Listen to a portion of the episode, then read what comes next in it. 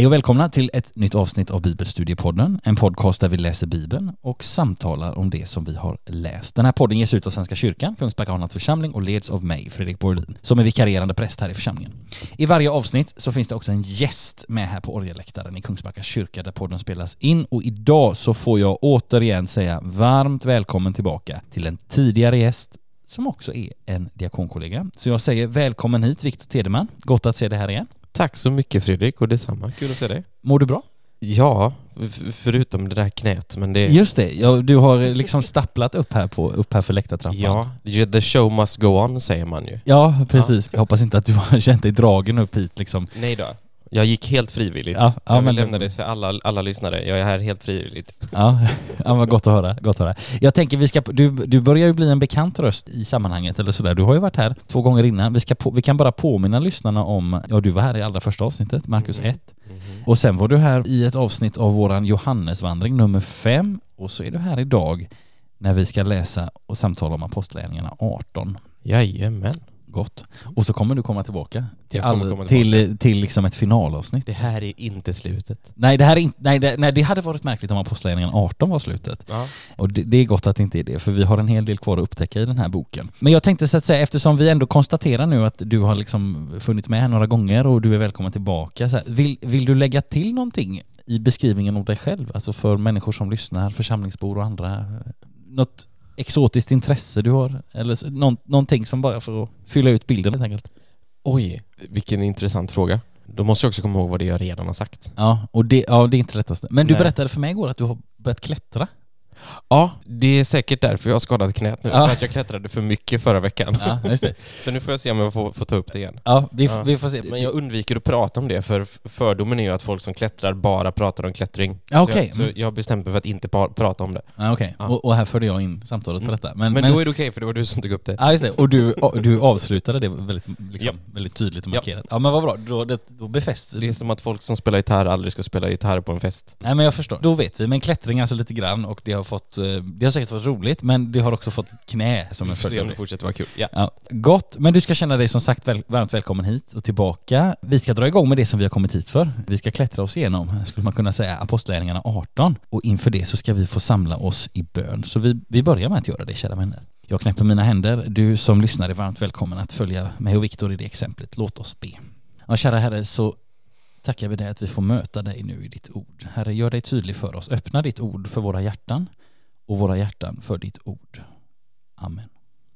Ja, som en inledning till dagens läsning så skulle jag kunna använda ord som jag har använt förut. För jag tänkte att jag skulle säga så här, resan fortsätter. Eller kanske ännu bättre, resandet fortsätter.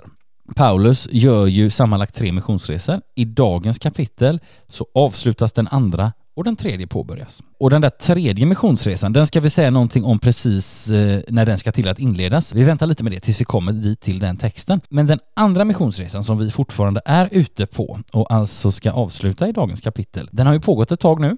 Nämligen sedan slutet av kapitel 15. Den har inneburit återbesök på platser som Paulus var på redan under den första missionsresan. Då tänker vi på olika platser i det som är dagens Turkiet. Men den här, den andra missionsresan, den har också liksom därtill gått över nya och större områden runt hela det Egeiska havet, det vill säga västra och nordvästra Turkiet, Makedonien och Grekland. Startpunkten för både den första och den andra missionsresan har varit Antiochia i Syrien och som vi ska se idag, precis som den första så kommer också den andra missionsresan att avslutas i Antiochia i Syrien och den tredje kommer att starta därifrån. Så att Antiochia i Syrien, missionsbasen för Paulus och hans olika medarbetare. Men nu så är vi i Grekland. I förra kapitlet så startade Paulus uppe i Thessalonike i Makedonien. Han kom så småningom ner till Aten där han uppehöll sig och där han höll ett tal på Areopagen som vi får väl säga är ett av de mer kända talen i Apostlagärningarna. Och när vi stöter på Paulus i början av dagens läsning så står han i begrepp att lämna Aten och bege sig vidare till Korint. Och vi ska nu börja dagens läsning med att få lyssna till detta. Det är Viktor som kommer att läsa idag, mycket glädjande. Så jag tänker att vi gör så att vi lyssnar till de 17 första verserna i det avsnitt som alltså heter Paulus vistelse i Korint. Sedan lämnade han Aten och for till Korint. Där träffade han en jude vid namn Akila som stammade från Pontos men som tillsammans med sin hustru Priscilla nyligen hade kommit från Italien eftersom kejsar Claudius hade låtit utvisa alla judar från Rom. Paulus sökte upp dem och då han hade samma yrke stannade han hos dem och arbetade. De var sadelmakare. Varje sabbat talade Paulus i synagogan och försökte övertyga både judar och greker. När Silas och Timoteus kom ner från Makedonien var han fullt upptagen av sin förkunnelse och vittnade inför judarna att Jesus är Messias.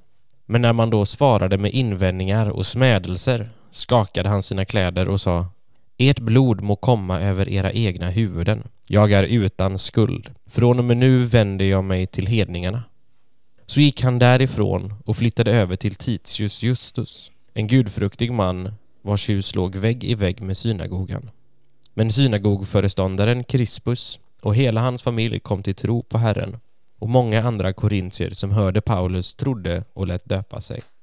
En natt sa Herren till Paulus i en syn Var inte rädd, utan fortsätt att predika och låt dig inte tystas, ty jag är med dig. Ingen skall angripa dig och göra dig något ont. Här i staden är det många som hör till mitt folk. Paulus stannade kvar där i ett och ett halvt år och undervisade dem om Guds ord. Det år då Gallio var ståthållare i Akaja förenade sig judarna i ett angrepp på Paulus, drog honom inför domstolen och sa att han förledde människor till att dyrka Gud på ett sätt som stred mot lagen. Men innan Paulus hann ta till orda sa Gallio till judarna Om det gällde något brott eller skurkstreck skulle jag naturligtvis lyssna på er judar. Men grälar ni om ord och namn och er egen lag, då är det er ensak. I sådana tvister vill inte jag vara domare. Därmed körde han bort dem från domstolen.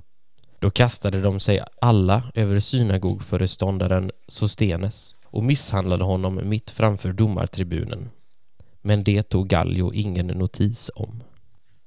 Ja, tack så mycket Viktor. Japp, då är vi igång med, med sluttampen av, av den andra missionsresan. Bara några saker att sätta fingret på innan jag släpper in dig Viktor. Staden Korint skulle vi säga någonting bara kort om. Alltså en blomstrande handelsstad, huvudort i provinsen Akaja, en stad känd för sin lyx och sina laster. Det kan vara bra att ha med sig både när vi ska läsa, eller har nu har hört vad som händer i Korint, men också när vi läser första och andra Korintierbrevet. För det är ju in i en sån situation som Paulus skriver, så det kan vi ha med oss. Sen nämns personerna Aquila och Priscilla och att de kommer ifrån Pontus. Det här paret, de blev ju nära vänner och medarbetare till Paulus och de nämns också i slutet av första Korintierbrevet. Och Pontus, där vi får veta att Aquila är född, är ett område i norra delen av nuvarande Turkiet.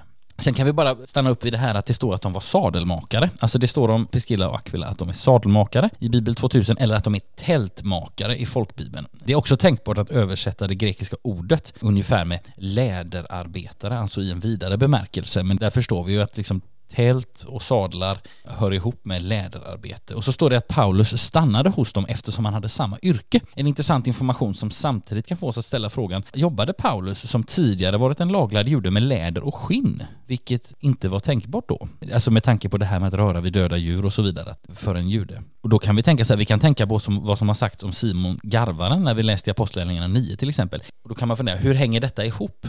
Ja, skulle jag säga då. Vi vet inte i detalj vad Paulus jobbade med. Vi, vi förstår att det kan, det kan ha att göra med flera olika sorters yrken och in, vi vet heller inte hur länge han har gjort det här. Kanske hjälper det oss också att förstå vilket ord detta skulle kunna vara, som det han verkligen jobbar med. Men det är inte helt enkelt eftersom att eh, läderarbete kunde judar inte utföra hur som helst med tanke på renhetsföreskrifter och så vidare. Men som sagt, vi vet inte hur länge Paulus har haft detta jobb, men vi vet faktiskt heller inte i detalj vad, vad han jobbade med eller vad det här jobbet innebar så att säga. Eh, det behöver vi ha med oss. Och sen bara en sista sak innan jag släpper in dig Viktor.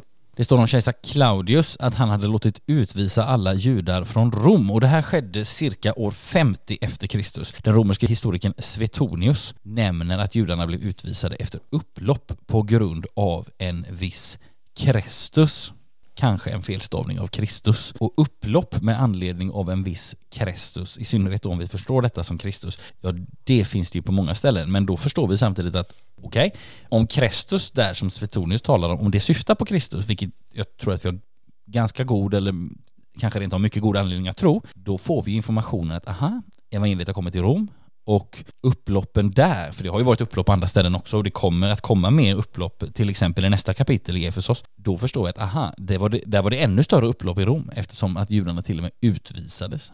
Lite sådana bakgrundstankar bara. Men nu vill jag fråga dig Viktor, vad tänker du på, fastnar du för i det här avsnittet? Eh, Alltså en av de första grejerna som vi, jag fastnade för har du gått igenom ganska ordentligt nu. Det var nämligen det här med yrket. Ja. För jag bara helt enkelt visste inte att, jag hade inte läst någon annanstans att Paulus skulle ha något yrke. Nej. Så bara det i sig var intressant och som du säger nu att det var, kan dessutom man översättas till läderarbetare gör det ju ännu mer spännande med tanke på att alla de här tre var judar.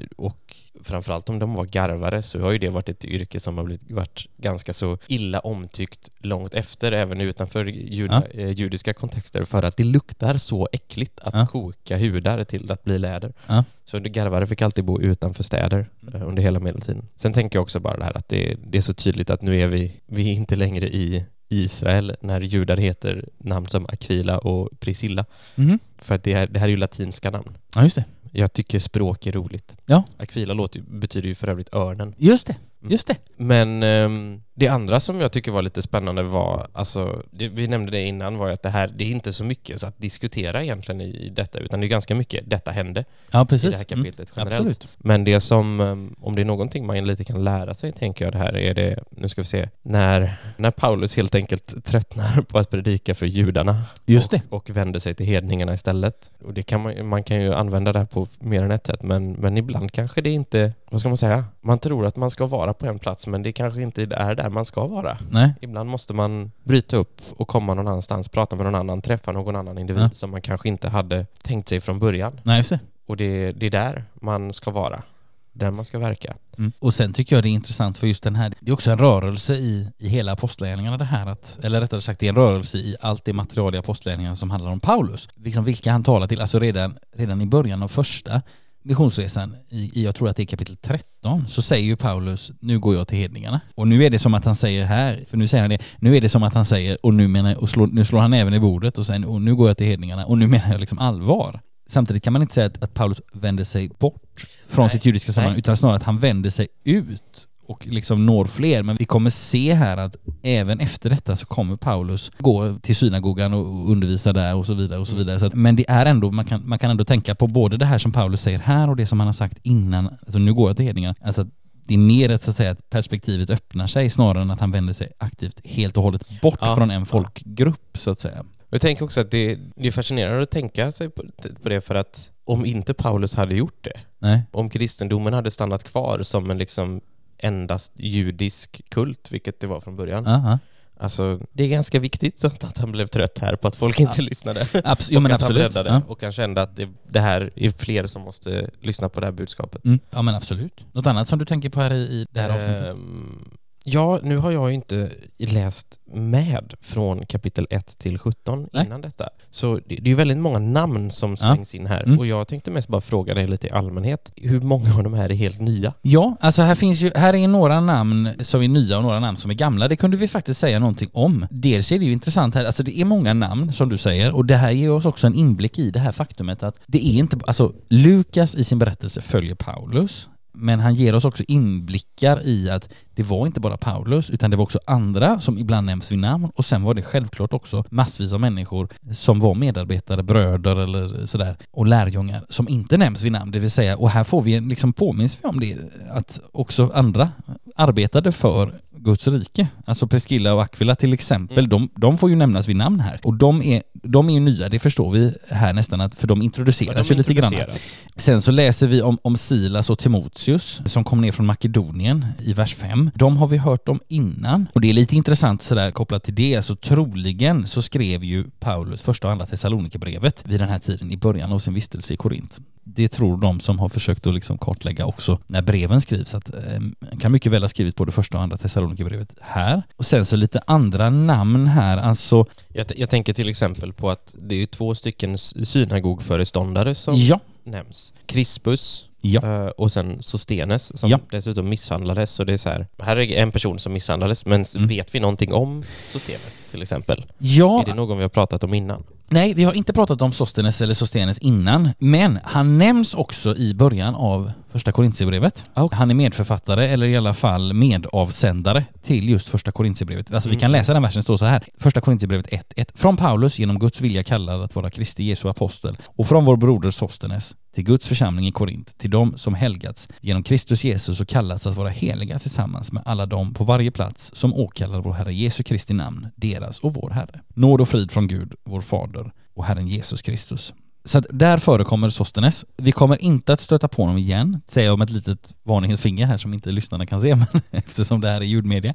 Eh, Crispus har vi inte hört talas om heller. Och Gallio har vi inte hört talas om heller. Alltså som nämns i 1812 och det kan vi säga, han är bror till den romerske filosofen Seneca som är ganska välkänd, eller ett sånt där namn som som många har hört, och i alla, jag kan bara tala för mig själv, jag känner inte till jättemycket om Seneca, Mm. absolut inte, men, men man har nog ändå, jag har nog ändå hört namnet någon gång. Men han var ståthållare i Achaia åren 51 till 52. Han var, blev inte särskilt långlivad. Alltså området som Korint var, vad ska man säga, huvudort i. Ja, precis. Så att de har vi inte stött på innan och jag vågar inte svära på om vi kommer att stöta på dem igen. Ja, Sostenes då som sagt i första Korintierbrevet, där läser vi om honom. Crispus, jag tror inte det. Nej. Gallio, nej. Nej, och, och egentligen var min fråga mer åt de som, vad ska man säga, de som apostlagärningarna skrevs för när de skrevs. Ja. Visste de vem Sostenes var?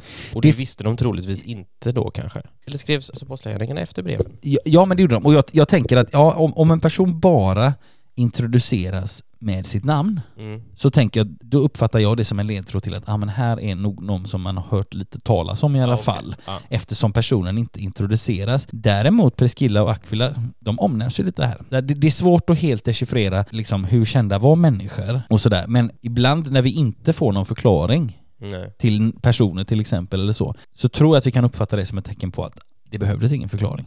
Åtminstone Eh. inte mer än att, att personen var synagogföreståndare. Nej, nej men Nej, precis, det precis. kanske räcker gott och väl. Mm. Det, det sista där jag tänkte också var bara, Gallio verkar ju lite, ha lite beslutsångest. Ja, För att han, om det är faktiska brott eller skurkstreck, jag måste bara också älskar att vi översätter någonting med skurkstreck. ja, det är Det roligt. är ett eh, ord vi behöver använda mer. Ja. Ja, men då, då kommer jag liksom döma, då kommer jag lyssna på er.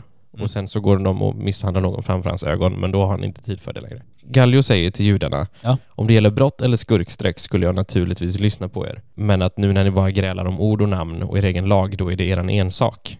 Och då kommer jag inte liksom tvista i dem, liksom, vem som säger vad. Och då skickar han bort dem. Men ehm, då misshandlar de istället synagogföreståndaren. Och det skulle väl jag hävda är ett brott eller ett skurkstreck. ja, absolut. Men det bryr sig Gallio då inte om. Nej, just det.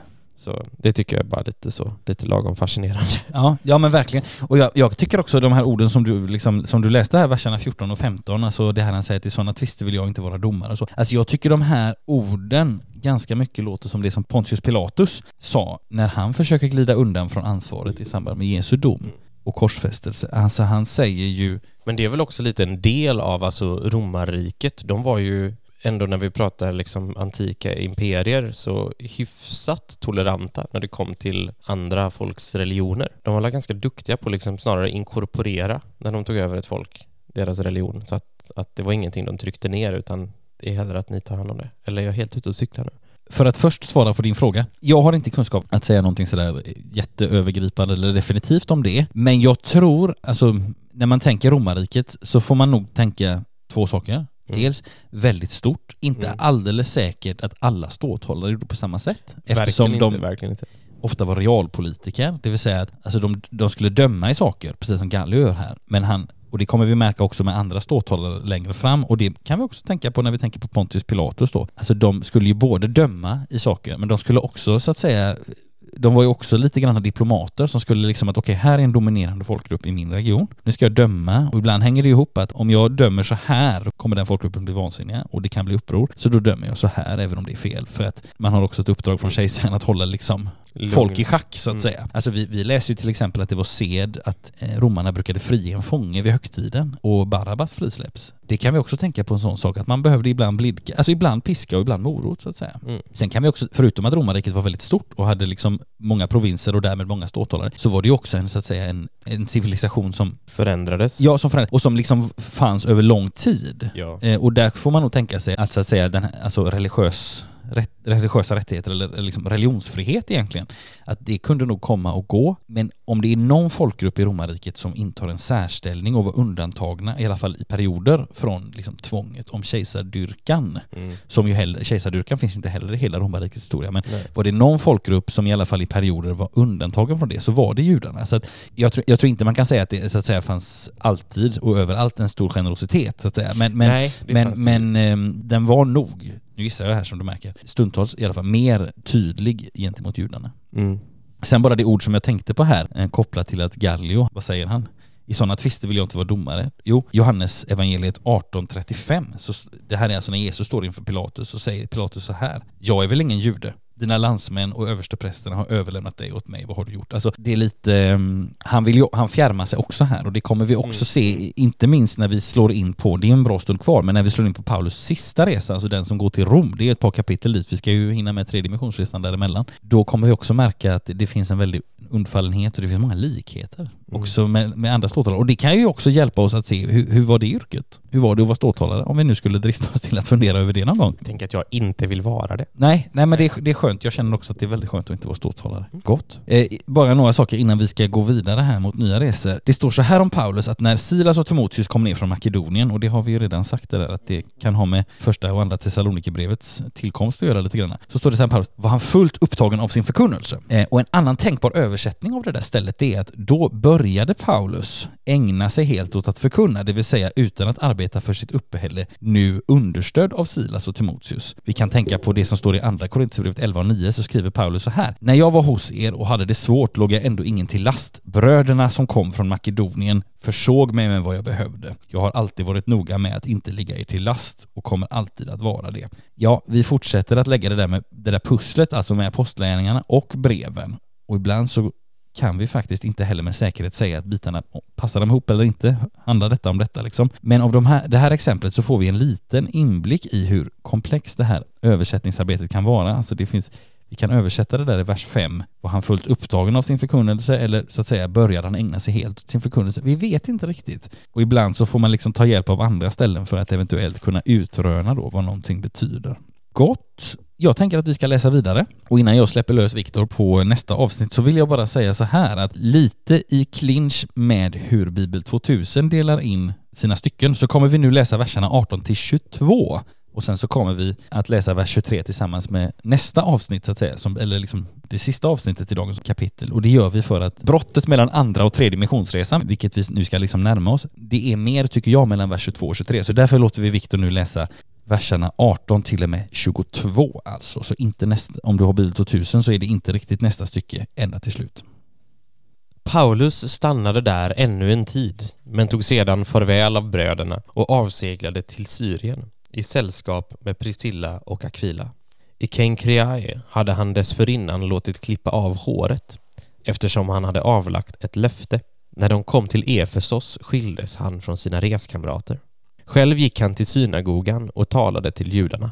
De bad honom att stanna där längre, men han avböjde och tog farväl med orden jag kommer tillbaka till er en annan gång, om Gud vill. Sedan gick han ombord och lämnade Efesos. Han steg i land i Caesarea och for upp till Jerusalem för att hälsa på församlingen där, varpå han reste till Antiochia. Tack så mycket Viktor. Jag kan börja med att fråga dig, är det någonting du fastnar för i detta korta avsnitt? Vad är grejen med håret? Ja, bra. Då tar vi det direkt. Man kan säga så här, i vers 18 hörde vi i, så här, i Kenkrea, eller Kenkrea, lite oklart hur det uttalas, hade han dessförinnan låtit klippa håret eftersom han hade avlagt ett löfte. Två saker kring detta. Kenkrea, eller Kenkrea, som jag tror det kan stå i någon svensk översättning, det var Korints hamnstad mot öst. Alltså eh, ibland så kunde städer ha hamnstäder som liksom både var en egen liten stad men som också liksom väldigt tydligt låg under själva storstaden. När första missionsresan inleds så läser vi att Paulus, och då är det väl, ska vi se, då är det väl Barnabas som hakar på och är med på den resan. Då står det så här att de, de utgår ifrån Antiochia det har vi ju varit inne på flera gånger att det är liksom dimensionsbasen. Och sen så, for de, så far de ner till Selevkia och seglar till Cypern. Och det, på samma sätt som Selevkia är liksom, det är Antiochias hamnstad. Alltså de, de städerna hänger ihop på ett särskilt sätt liksom. Den ena ligger under, hamnstaden ligger under staden om man tänker rent administrativt. På samma sätt är det här att Kenkrea eller Kenkrea ligger liksom under Korint på, no, på något sätt. Och i Kenkrea, eller Kenkrea, så finns också en kristen församling. Den omnämns i början på Romarbrevet 16. Så här står det där, jag vill lägga ett gott ord för vår syster Foibe som tjänar församlingen i Kenkrea. Så det kan vi bara nämna. Men nu till håret. Det var det du frågade om. Alltså det där löftet som det talas om, det är troligtvis ett nasirlöfte som vi kan läsa om i fjärde Mosebok 6. Och helt kortfattat bara, en nasir, det var en person som för en tid vigt sig åt Gud och låtit håret växa och även skägget. Alltså vid nasirtidens slut så rakar man huvudet frambär ett offer. Och det kan vi bara säga som en liten, vad ska vi säga, som en liten brasklapp eller som en liten... eh, Asterisk. En, som en liten asterisk att det här kommer att spela roll långt senare. Men här hör vi Paulus, han klipper håret och sen så skulle man också bära fram offer. Det gör han inte här, utan det kommer han göra i Jerusalem långt senare och då kommer även andra som har avlagt löften. Ja, vi, vi- kan bara säga så här, kära lyssnare. Här har Paulus klippt av håret, hans nazisttid är slut. Det förväntas ett offer också enligt fjärde Mosebok 6. Det, det kommer om en ganska lång tag och det kommer så att säga, det kommer att spela roll senare. Men det är många kapitel tills vi kommer dit, så att, men jag bara, jag vill bara säga det så. Sen om man skulle säga någonting om Efesos, lite som en ingång här, alltså han skiljs från sina reskamrater och sen så får- far han vidare efter att han har talat. Han säger ju så här, jag kommer tillbaka till er en annan gång och det kommer Paulus göra i nästa kapitel, i början på nästa resa så att säga. Och då kan man bara säga så här, Efesos, som vi kommer att bekanta oss betydligt mer med i nästa avsnitt, en livlig storstad belägen mitt på det nuvarande Turkiets västra kust. Precis eh, I mitten. i mitten på Ja, okej. liksom, Turkiets västkust. Mittväst. Mittväst, ja men precis. Mittväst eh, i Turkiet. Huvudort i provinsen Asien och hemort för det välbesökta Artemistemplet. Något som får konsekvenser för Paulus och hans arbete som vi kommer att få höra betydligt mer om som sagt i nästa kapitel och avsnitt. Men det är lite roligt att vi hör i den här korta läsningen att Paulus i vers 21 säger så här Jag kommer tillbaka till er en annan gång om Gud vill. Och det får vi tänka oss att Gud vill. För hela nästa kapitel och avsnitt som sagt och delar faktiskt av nästnästa kommer att handla om eller och eller utspela sig i Efesos. Så han, Paulus har alltså gjort en liten uppvärmning kan man säga där. Men det kommer att hända betydligt mer där i nästa avsnitt. Sist i det här korta avsnittet så får vi en kortfattad sammanfattning av slutet av eller hemfärden eller tillbakafärden på den här, den andra missionsresan. Resan går med båt från Efesos, alltså västra Turkiet, till Caesarea, det vill säga Caesarea Maritima, hamnstad nordväst om Jerusalem. Sen går den vidare till Jerusalem, som det står, för att hälsa på församlingen där, eller för att hälsa på församlingen där. Och så till slut till vad vi kan kalla för basstationen eller utgångspunkten, Antiochia i Syrien. Och därmed så är den andra missionsresan slut, som precis som den första inleddes och avslutades i just Antiochia i Syrien. Resesällskapet för Paulus var ju ett annat på den här resan. Barnabas under första missionsresan och Silas, framför allt Silas, under den andra. Och den andra resan var, som vi har nämnt, längre i avstånd men också i tid. Vi minns att mellan den första och den andra missionsresan så var det ett stort möte, apostlamötet i Jerusalem. Men mellan den andra och den tredje missionsresan så verkar det inte hända särskilt mycket utan de båda resorna verkar gå liksom slag i slag. Så den här, den tredje missionsresan, den ska vi bege oss ut på nu allra sist i dagens kapitel. Och den här, den tredje missionsresan, som börjar här och nu och pågår fram till och med en bit in i kapitel 21, den börjar också den i Antiochia i Syrien, men den avslutas i Jerusalem. Den sträcker sig över ungefär samma område, går till ungefär samma platser som den andra missionsresan, alltså längre än den första. Men den är faktiskt ytterligare något längre i tid. Alltså tidsmässigt kan vi tänka ungefär så här om Paulus resor. Första resan pågår ett år ungefär, väldigt mycket cirka där, men första resan cirka ett år, andra resan cirka två till tre år och tredje resan cirka fem år. Så där får vi också en, en ingång i hur länge reste han? Ja, rätt så länge. Och inte minst nu på den tredje resan som vi ska ut på. Och på denna den tredje resan tycks det som om Paulus i stora stycken också reser ensam faktiskt. Men nu ska vi få läsa, eller få höra Viktor läsa om den första lilla biten på den här resan. Så vi läser alltså, eller vi lyssnar till när Viktor läser från vers 23 till och med vers 28. Efter någon tid bröt han upp och for genom Galatien och vidare genom Frygien och överallt styrkte han lärjungarna. Till Efesos hade det kommit en jude vid namn Apollos. Han stammade från Alexandria och var en bildad man, väl insatt i skrifterna.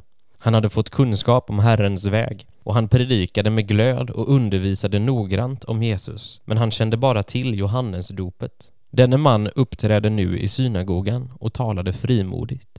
När Priscilla och Aquila hade hört honom tog de sig an honom och gav honom ännu noggrannare kunskap om Guds väg. När han sedan ville fara över till Akaja uppmuntrade bröderna honom och skrev till lärjungarna där att de skulle ta väl emot honom. I Akaja blev han genom Guds nåd till stor hjälp för de troende, ty han vederlade judarna energiskt och med stöd av skrifterna bevisade han inför folket att Jesus är Messias. Tack så mycket Viktor. Vad fastnar du för här? Jag fastnade för ett par grejer. Ja.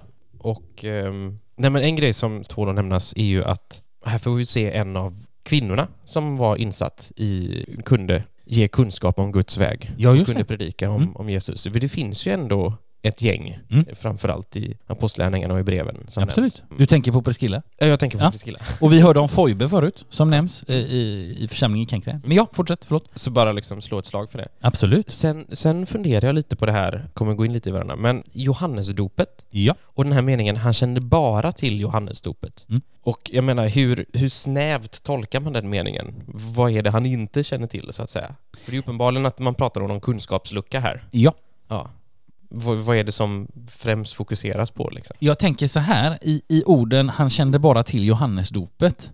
Så får vi tänka oss att det är just det det handlar om, det vill säga Apollos är bekant med att det finns någonting som heter dop i den kristna kyrkan, men han känner bara till det dop som Johannes döpte med, det vill säga ja, Johannesdopet, det vill säga det dop som Johannes döparen döpte med, som var ett dop till omvändelse och inte som det kristna dopet, som är någonting där Gud handlar med den som döps och ger den heliga ande som gåva. Mm. Alltså den här, det här förberedande dopet som Johannes talar om att man ska så att säga vända om och låta döpa sig liksom. Eh, Och jag menar Johannes, när han döper i början av evangelierna, så talar han ju också om ett annat dop. Han säger att jag döper med vatten, men han som kommer efter mig ska döpa er med helig ande. Mm. Och av någon anledning så känner Apollos bara till Johannesdopet. Och då, då kan vi tänka så här, vad kan det bero på? Ja, en miljon anledningar kan det finnas, men skulle man föra fram två förklaringar så kunde det ena vara Johannesdopet verkar ändå vara i svang fortfarande på något sätt Mm. eh, inom den kristna kyrkan på något sätt. Det är det ena. Eh, och det innebär ju också att man kan ha haft flera parallella tankar om dopet i den tidiga kyrkan så att säga.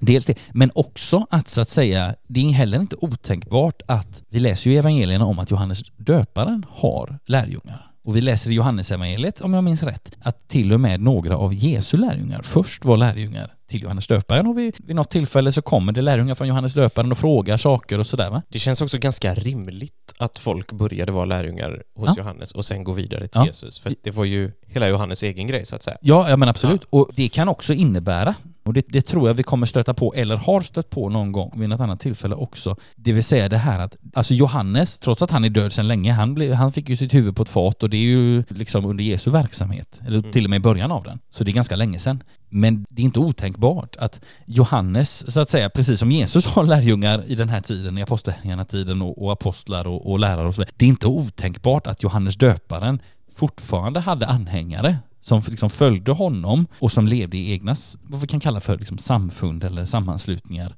på något sätt. Så, att, Mm. så att, att det kan ha varit en parallell rörelse på något sätt. Och det som är lite intressant, så det kan vi flagga för också, vi har redan flaggat för nästa kapitel kopplat till Efesos, alltså förhållandet mellan den här riten, alltså Johannesdopet, och det kristna dopet behandlas också i början av nästa kapitel, i verserna 1 till och med 7 i kapitel 19. Så vi kommer faktiskt att återkomma till det också då och få oss några vägledande ord från Paulus kring detta. Men urkyrkan som vi har sagt redan, verkar ha kunnat rymma olika åsikter även i, frågor som är så grundläggande för nutida kristen tro som dopet. Och det är faktiskt den frågan som ibland gör att det går ganska starka skiljelinjer mellan olika kristna samfund idag. Mm. Att vi döper så här och vi tänker så här om dopet. Här verkar det ha varit mer flytande och det tänker jag att det är lite intressant. Men som sagt, det här kan också visa för oss att ja, Johannes döparen kanske hade egna lärjungar, eller det fanns lärjungar till Johannes som levde i egna, egna samfund som på något sätt har då måste vi tänka, har fascinerats av honom och börjat följa honom, eh, men som liksom inte har